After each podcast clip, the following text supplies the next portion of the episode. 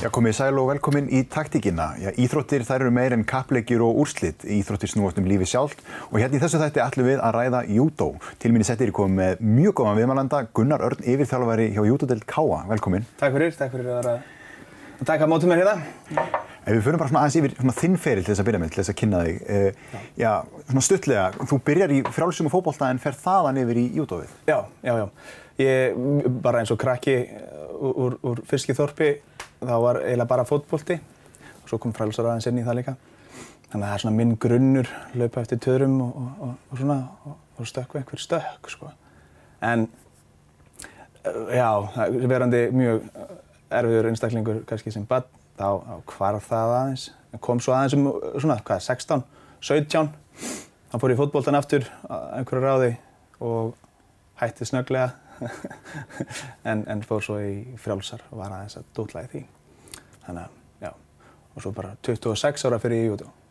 Svolítið setn. En Gunnar, 26 ára þegar þú ferði inn í, júdóið, hvernig var þetta stökkur frjálsum yfir í, júdó? Það var ekkert mál, sko. Aðalega því ég tók uh, ekki neinu alvarlega á þessum tíma, þannig að stökki var bara allt í góðu. En það var svolítið þungt bara á, á, á að, að fara, að halda maður kannski sé þokkalegur í einhverju, en að fá auðmygtina beint bara. Því að ég, ég fór fó bara beint á stað á fullt og þá fekk ég það náttúrulega bara í, í beint á bakið, sko. Umhverfið sem kemur úr eins og fótboltinn, hópíþrótt, það er allt öðruvísi ægi sem er á þeim aðeins heldur en júdó. Já, einhvern veginn, já, einhvern veginn komst ég í gegnum bæði frjálsar og fótbolt á þess að hafa uh, lært nokkur naga, bara engan. Og mikill mótþró í mér bara svona náttúrunar hendi. Lek einhvern veginn lausum hala bæði fótbolt og frjálsum og, og, og, og það gerði mér enga greiða og rúglega einhverjum í kringum heldur. Sko. Þannig að kannski þess vegna flosnaði líka upp úr því, kannski veist, mjög eðlilegt að, að þjálfarar nenni ekki að eða púður í einhverjum, einhvern svona fáviti eins og mig. En að koma í júdó þá náttúrulega, já, þó ég hef verið 26 ára, þá leiði mér bara eins og, eins og smábarni í höndunum á, á hérna, svona, einum af uppeldisfeðrum mínum, Óta, sem að tók mér bara í gegn og, og, og, kendi mér að að díla við mig í rauninni allavega upp á einhverju marki. en þú mætir þar eins og segir og upplifið það, já ég er ekki bestur hér, þá þetta læra ákveðna auðmygt. Hvernig var það? Já, já og ekki bara ekki bestur, ekki nálætti eins og vera bestur og, og ekkert ennþá, bara aldrei. Og einhvern veginn bara að sleppa þeirri hugssjón um að það sé eitthvað sem er að vera bestur þarna inni. Þetta er bara einfallega að lifa af, að bara geta komið og verið að díla af þessa auðmygt sem maður fær. Að, að, að hrista úr manni þessa, þessa eitruðu kallmennsku í rauninni. Og, og hún leiðnist heldur, heldur djúft sko. Og bara í öllum held ég kallum sko allavega. Um, en að díla við það, það jútu er eina sem að hjálpa mér við það myndi ég segja. Og gerði það mjög hratt allavega. Er það á þessum stundum eins og þegar að þú ert já, í, í hengingu og þú þarft að viðurkenna ósigur? Já, meðal annars auðvitað að, að, að vera stattur í, í aðstæðum sem að ég hef enga stjórn á og einhvern veginn örlög mín er í höndum annars einstaklings. Og, og hérna alveg sama hver það var sko, bara kallega kona að drengur og stúlka bara að, það var það, allir með góða tækni hefur getað tekið mig hérna bara í nefið þannig að já, mér fannst það mjög, mjög svona að, að lísti, lísti upp einhvern veginn eh, part af sjálfum mér sem að ég átti að mig heldur ekki á að væri, væri til eða væri þannig. En ég held gegn, áfram í gegnum það líka vissi ég ekki heldur að ég hefði. Mm. Þegar undir vennilegum kringustöðum hefði ég bara, kringustöðum hefði ég hætt sko. En ég gerði það ekki, þannig að, þannig að já. Og þegar við talarum um sko bardaíþróttir og þau eiga til að fá það orð á sig fyrir að vera, já, ábyldisíþróttir, mm. svo horfið maður á sko einstaklingar fara þarna inn með mikla orku, mikið skap og, og kraft en svo er líka rosalega mikil ægi og ákveðin rammi Já. og þessir einstaklingar virðast oft líka þrýfastöðel í þannig umhverfi en, en þetta eru samt sem áður andstæður. Við verðum að hafa ramma og þannig er það í lífinu líka. Ja, ég, ég tala kannski bara fyrir mig en, en rammi verður að vera og verður að geta rammaði inn og, og fyllt einhverju, einhverjum reglum samfélagsins líka.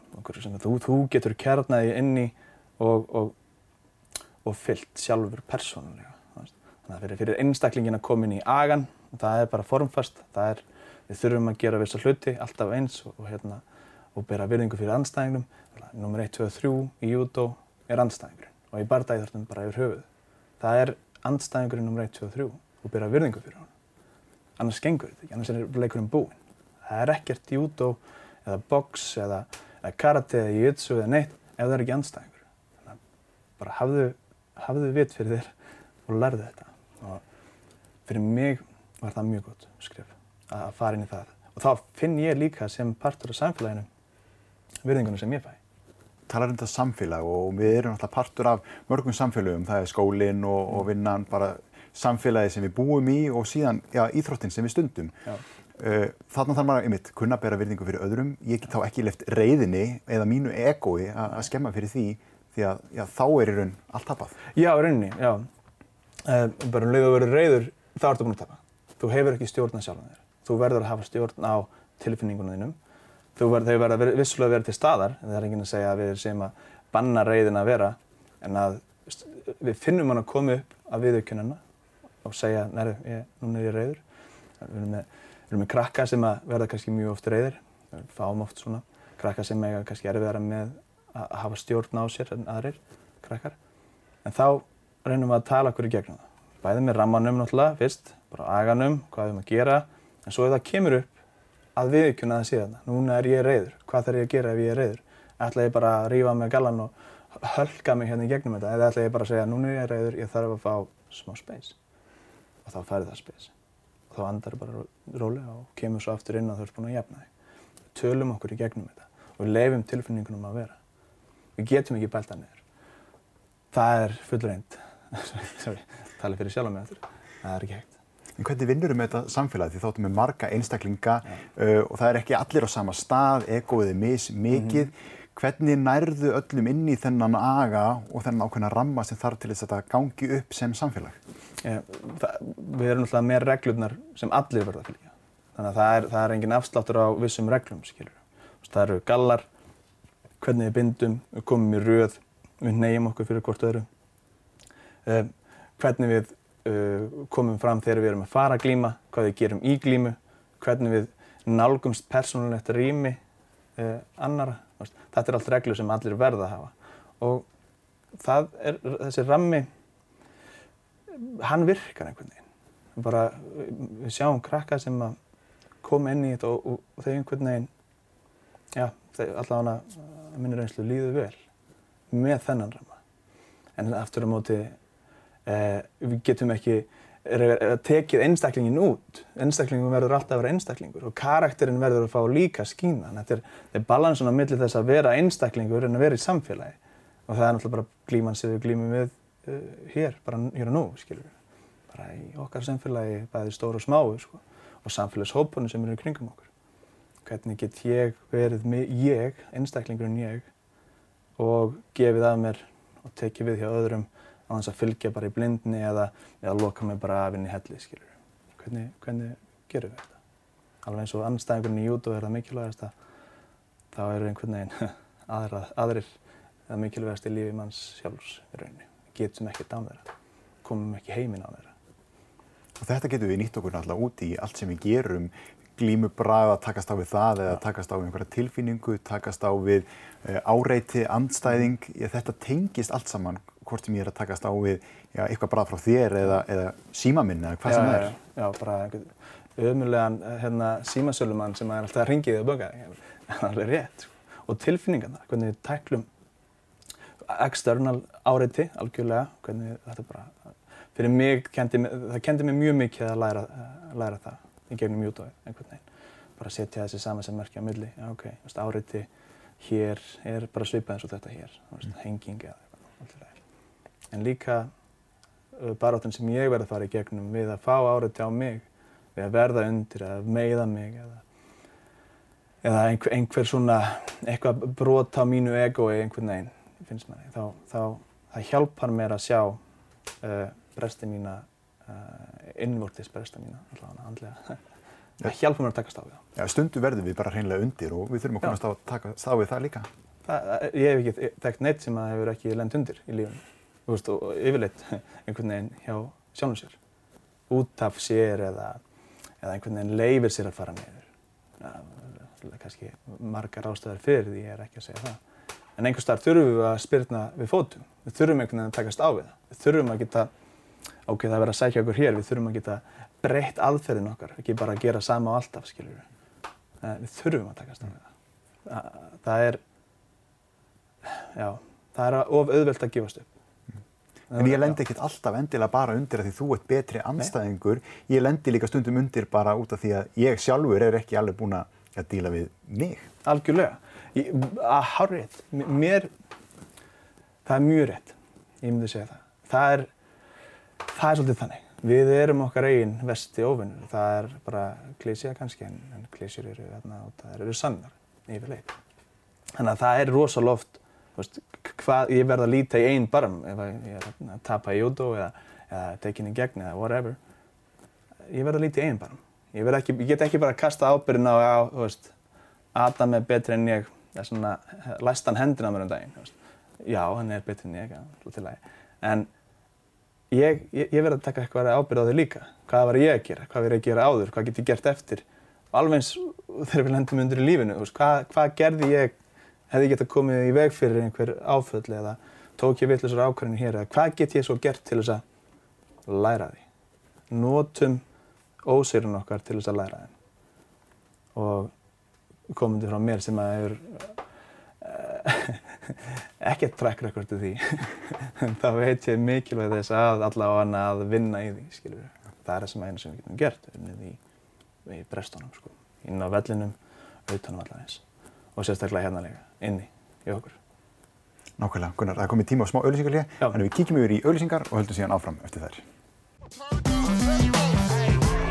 Við höldum áfram hérna í taktíkinni, við erum í grunninn að tala um júdó og barda íþróttir en í raun eru við fannir að tala um íþróttirnar og lífið. Ja, Gunnar, sko, við þekkjum það sem um íþróttum að vera með mikið keppniskap. Já. Það getur verið erfitt að beisla keppniskap, það getur verið erfitt að tapa. Hvernig vinnur þú með það í júdóinu?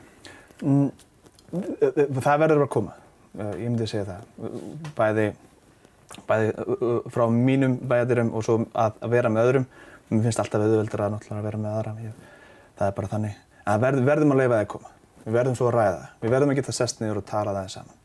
Ég vil ekki, við viljum aldrei losna það keppniskapið. Það, það, er, það hjálpar okkur allstaðar. Hvort sem þú ert að keppa eða ekki keppa. Keppniskap verður að vera. En við verðum einhvern veginn að ná að beisla það. Og stundum fer það bara með okkur einhvern veginn, fyrir hleypum við okkur í, í hérna einhverja gunnar sko. En þá, þá verður það að fá að gerast og við verðum að geta rætt það. Þannig, ég, ég, það er engin patentlaustandana sem ég hef nema bara það að eftir að við erum búin að ná að róa okkur, koma okkur niður á eitthvað svið þar sem við getum sest niður, bara hort og spjallað. Það er, já, þetta stundum verður þetta bara að koma, skiljur. Við töpum, þá verður við að fá að gráta. Það er bara sumir sem eru þannig. Aðrir, aðrir tappa og labba bara út af og bara fara að hugsa. Það er ekki að því að vantir keppniskap, það er bara kannski öðru sér persónuleiki.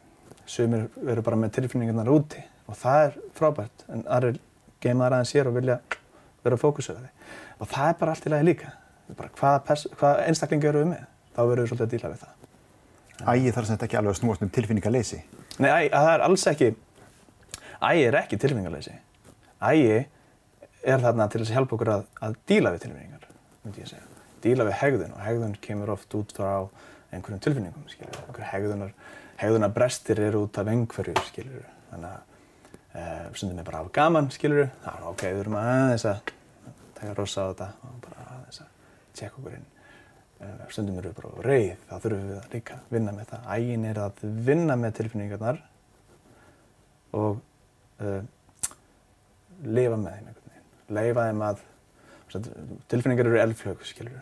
Og eldflögin verður að halda sér til þess að ná upp, skilur við. Verðum að nýta tilfinningarna sem við höfum ef við annars springur þetta bara. Ef, ef eldflögin er óþétt, þá springur hann. Þannig að alls ekki, æg er alls ekki tilfinningarleysi, það er ekki mitt maður það því, um, en það er að, að koma þeim í eitthvað uh, boks. Þannig að við getum allavega að díla við þær. Við þekkjum þær, við leifum okkur að fara inn í þær. Við verðum að geta farið inn í tilfinningarnar okkar til þess að átta okkur á því hvað er að gerast. Og það er ægi, að geta gert það. ég er reyður, ég finn það, ægin er það að annarkvort ná að anda, klúpla sér út, tala um það, þannig að við missum ekki stjórnaði. Það er, það er alla, alla tilfningar það. Hegðun er eitthvað sem við speklum oft í öðrum og viðbröðum annara og Já. maður þekkir að maður hefur búin að vera að þjálfa einstaklinga sem að, eða kannski þess að eins og segir bresti e, og maður veit ekki alveg stundum hvernig maður á að, að tækla þetta og Nei. maður fyrir út í innfaldar leiðir eins og bara að taka arbeigur eða hlaupingur og ringi sem að í grunninn gera náttúrulega ekki neitt. Nei. Uh, hvernig nærmar einhvern veginn að taka á þessu? Að því, þegar maður veit það að já, það sem ég er að, mín hegðun, ég er að speikla hana í hinnum og ég er að reyna að fá feedback. Hvernig, hvernig vinnum maður með það? Það er bara uh, góð spurning. Það, það, það er svolítið uh, maður sem þjálfari verður að ná að setja upp einhver, eitthvað samfélag sem maður vil. Þá er maður með vissa hegðun sem að, uh, við, erum að reyna að láta allar ná, skilur við. Og við vinnum með þessar, uh, já, þegar það kemur upp það að, að einstaklingur, hvernig sem það er, að fer í stuð og verður að reyna að, að influensa í kringum sig, þá verður við svolítið að, að takast á við það. Við erum að ræða það líka. Við getum ekki bara gefið hugarskeiti eða, eða refsað. Refsing er mjög slæm, sérstaklega ef refsingin er bara út í bláinn, þá er það bara slæmt. Hvað, hvað er þetta að gera? Bara fá barnið upp á móti öllu eða einstaklingin eða hvað sem það er. Þannig að, en, en um leið og við náum að vinna með samfélagi sem við erum í kring og það er viss, vissar eh, reglur sem eru í gangi og flestir eru í því. Það eru, það eru einstaklingur sem er að reyna að influensa finnur það hann fær ekki viðmótið sem hann vill, þráir. Þá vil það oftast gera að, að, að við förum í línuna, í rauninni, við getum orðað að þannig.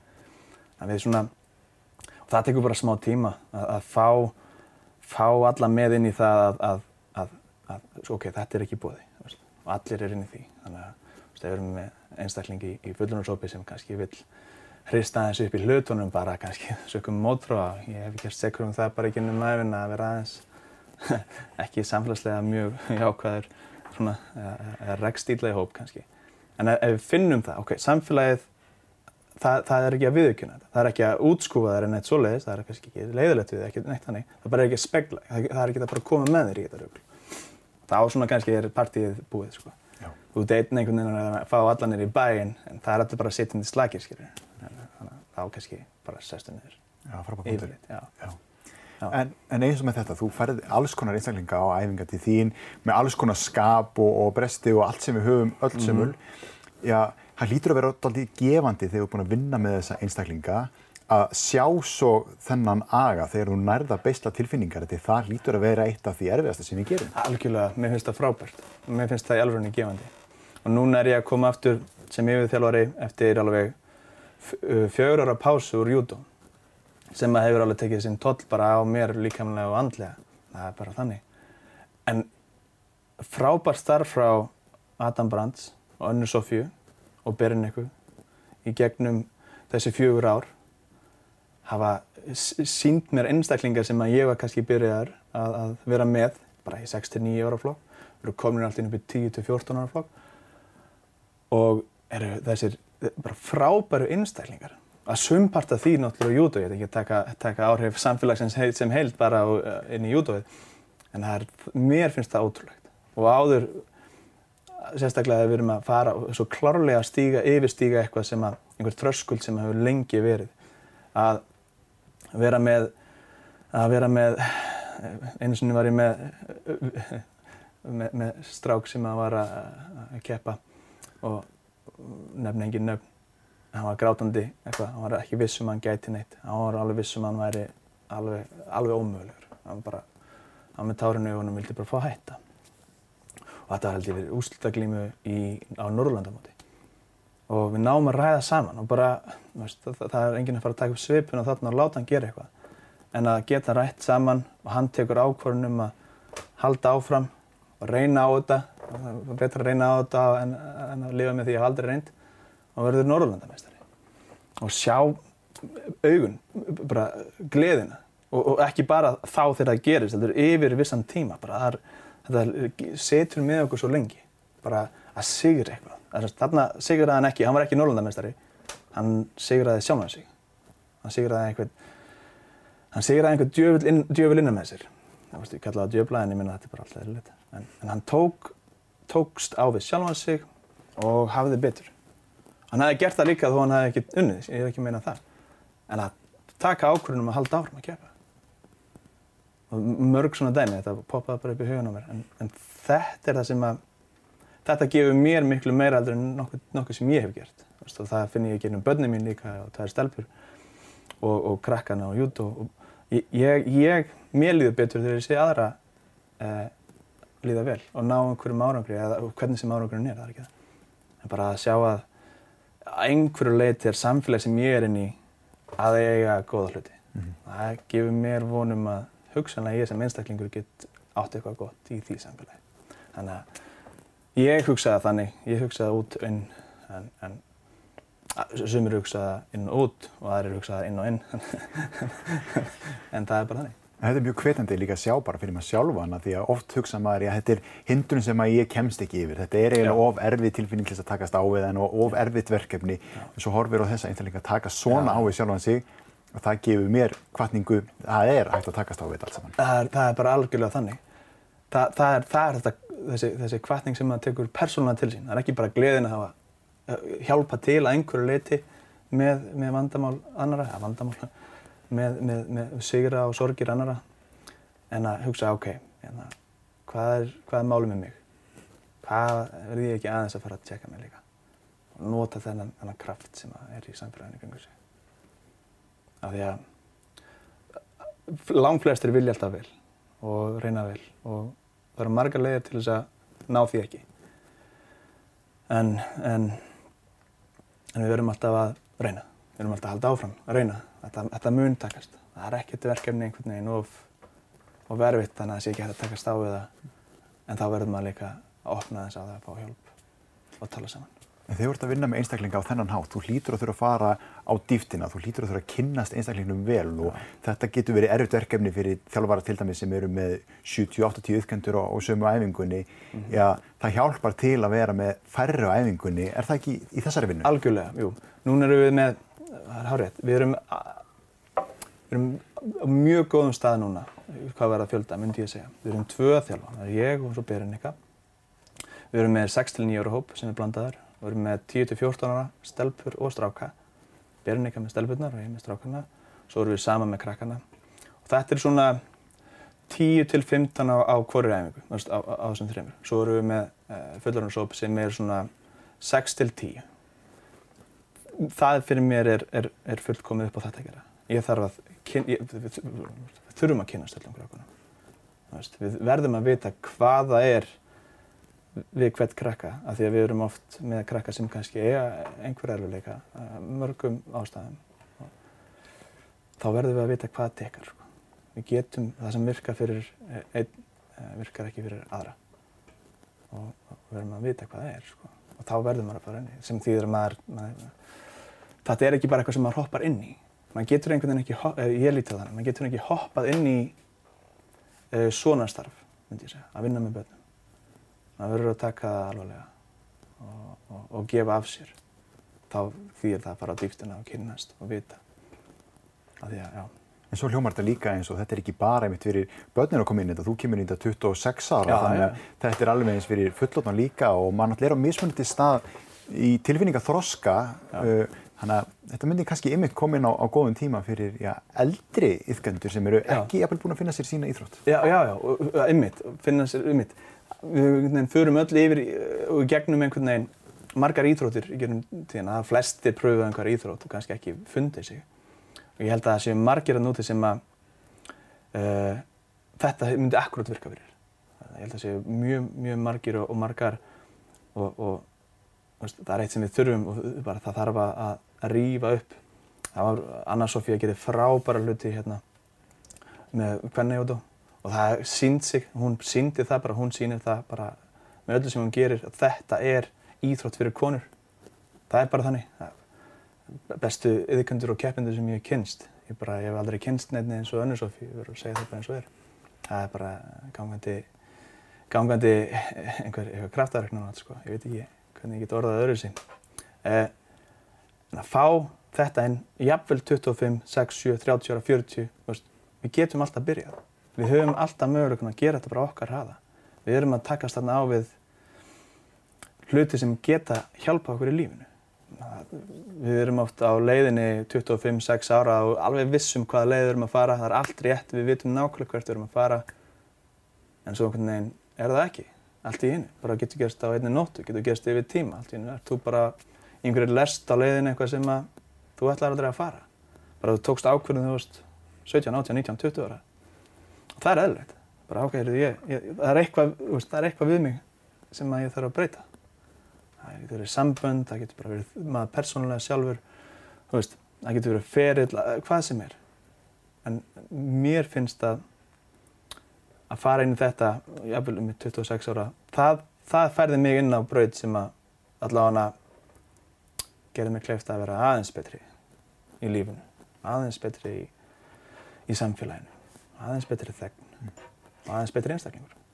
Svona hérna rétt að lokum, ef maður er að veltaði fyrir sér að koma og prófa jútó eða aðra bardagi í þrótt, já, með hvernig hugafæri mælur með að maður komi inn? Þarf maður að vera, maður þarf að vera opinn eða er það auðmygting bara fyrst og fremst sem maður þarf að beita?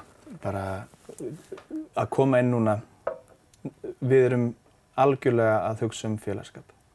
Við viljum að öllum líði vel. Þannig að, nei, við þurfum ekki að læra einhverja auðmygt strax. Ég, ég, Ég fór inn í aðstæði sem að ég þurfti að fá hann bara strax einhvern veginn en það var bara hvernig ég er. Þannig að það er alveg hægt. En að koma bara inn og prófa, fara rólega að stað. Veist, það mun enginn fara þarna inn og byrja að vera að, að, að hengja þig bara á fyrstu degi. Við lærum grunninn, við lærum að, fyrsta sem við lærum í judo, puntur, er að detta. Það er bara svolítið eins og í lífinu, skiljur. Við stöndum upp og svo dettum við og svo þurfum við alltaf að læra þetta. En það er það fyrsta sem við lærum bara þetta. Og hvað gerum við þegar þetta? Stöndu upp áttur að reynum. Nákvæmlega, þessi frábæri loka orða á þessi spjalli okkar Gunnar. Ja. Takk kærlega fyrir að koma í settið tími. Ja, takk fyrir. Takk fyrir kaffið. Og takk áhörðu fyrir áhörðu í þessum tætti. Við sjáumst þess í næstu viku.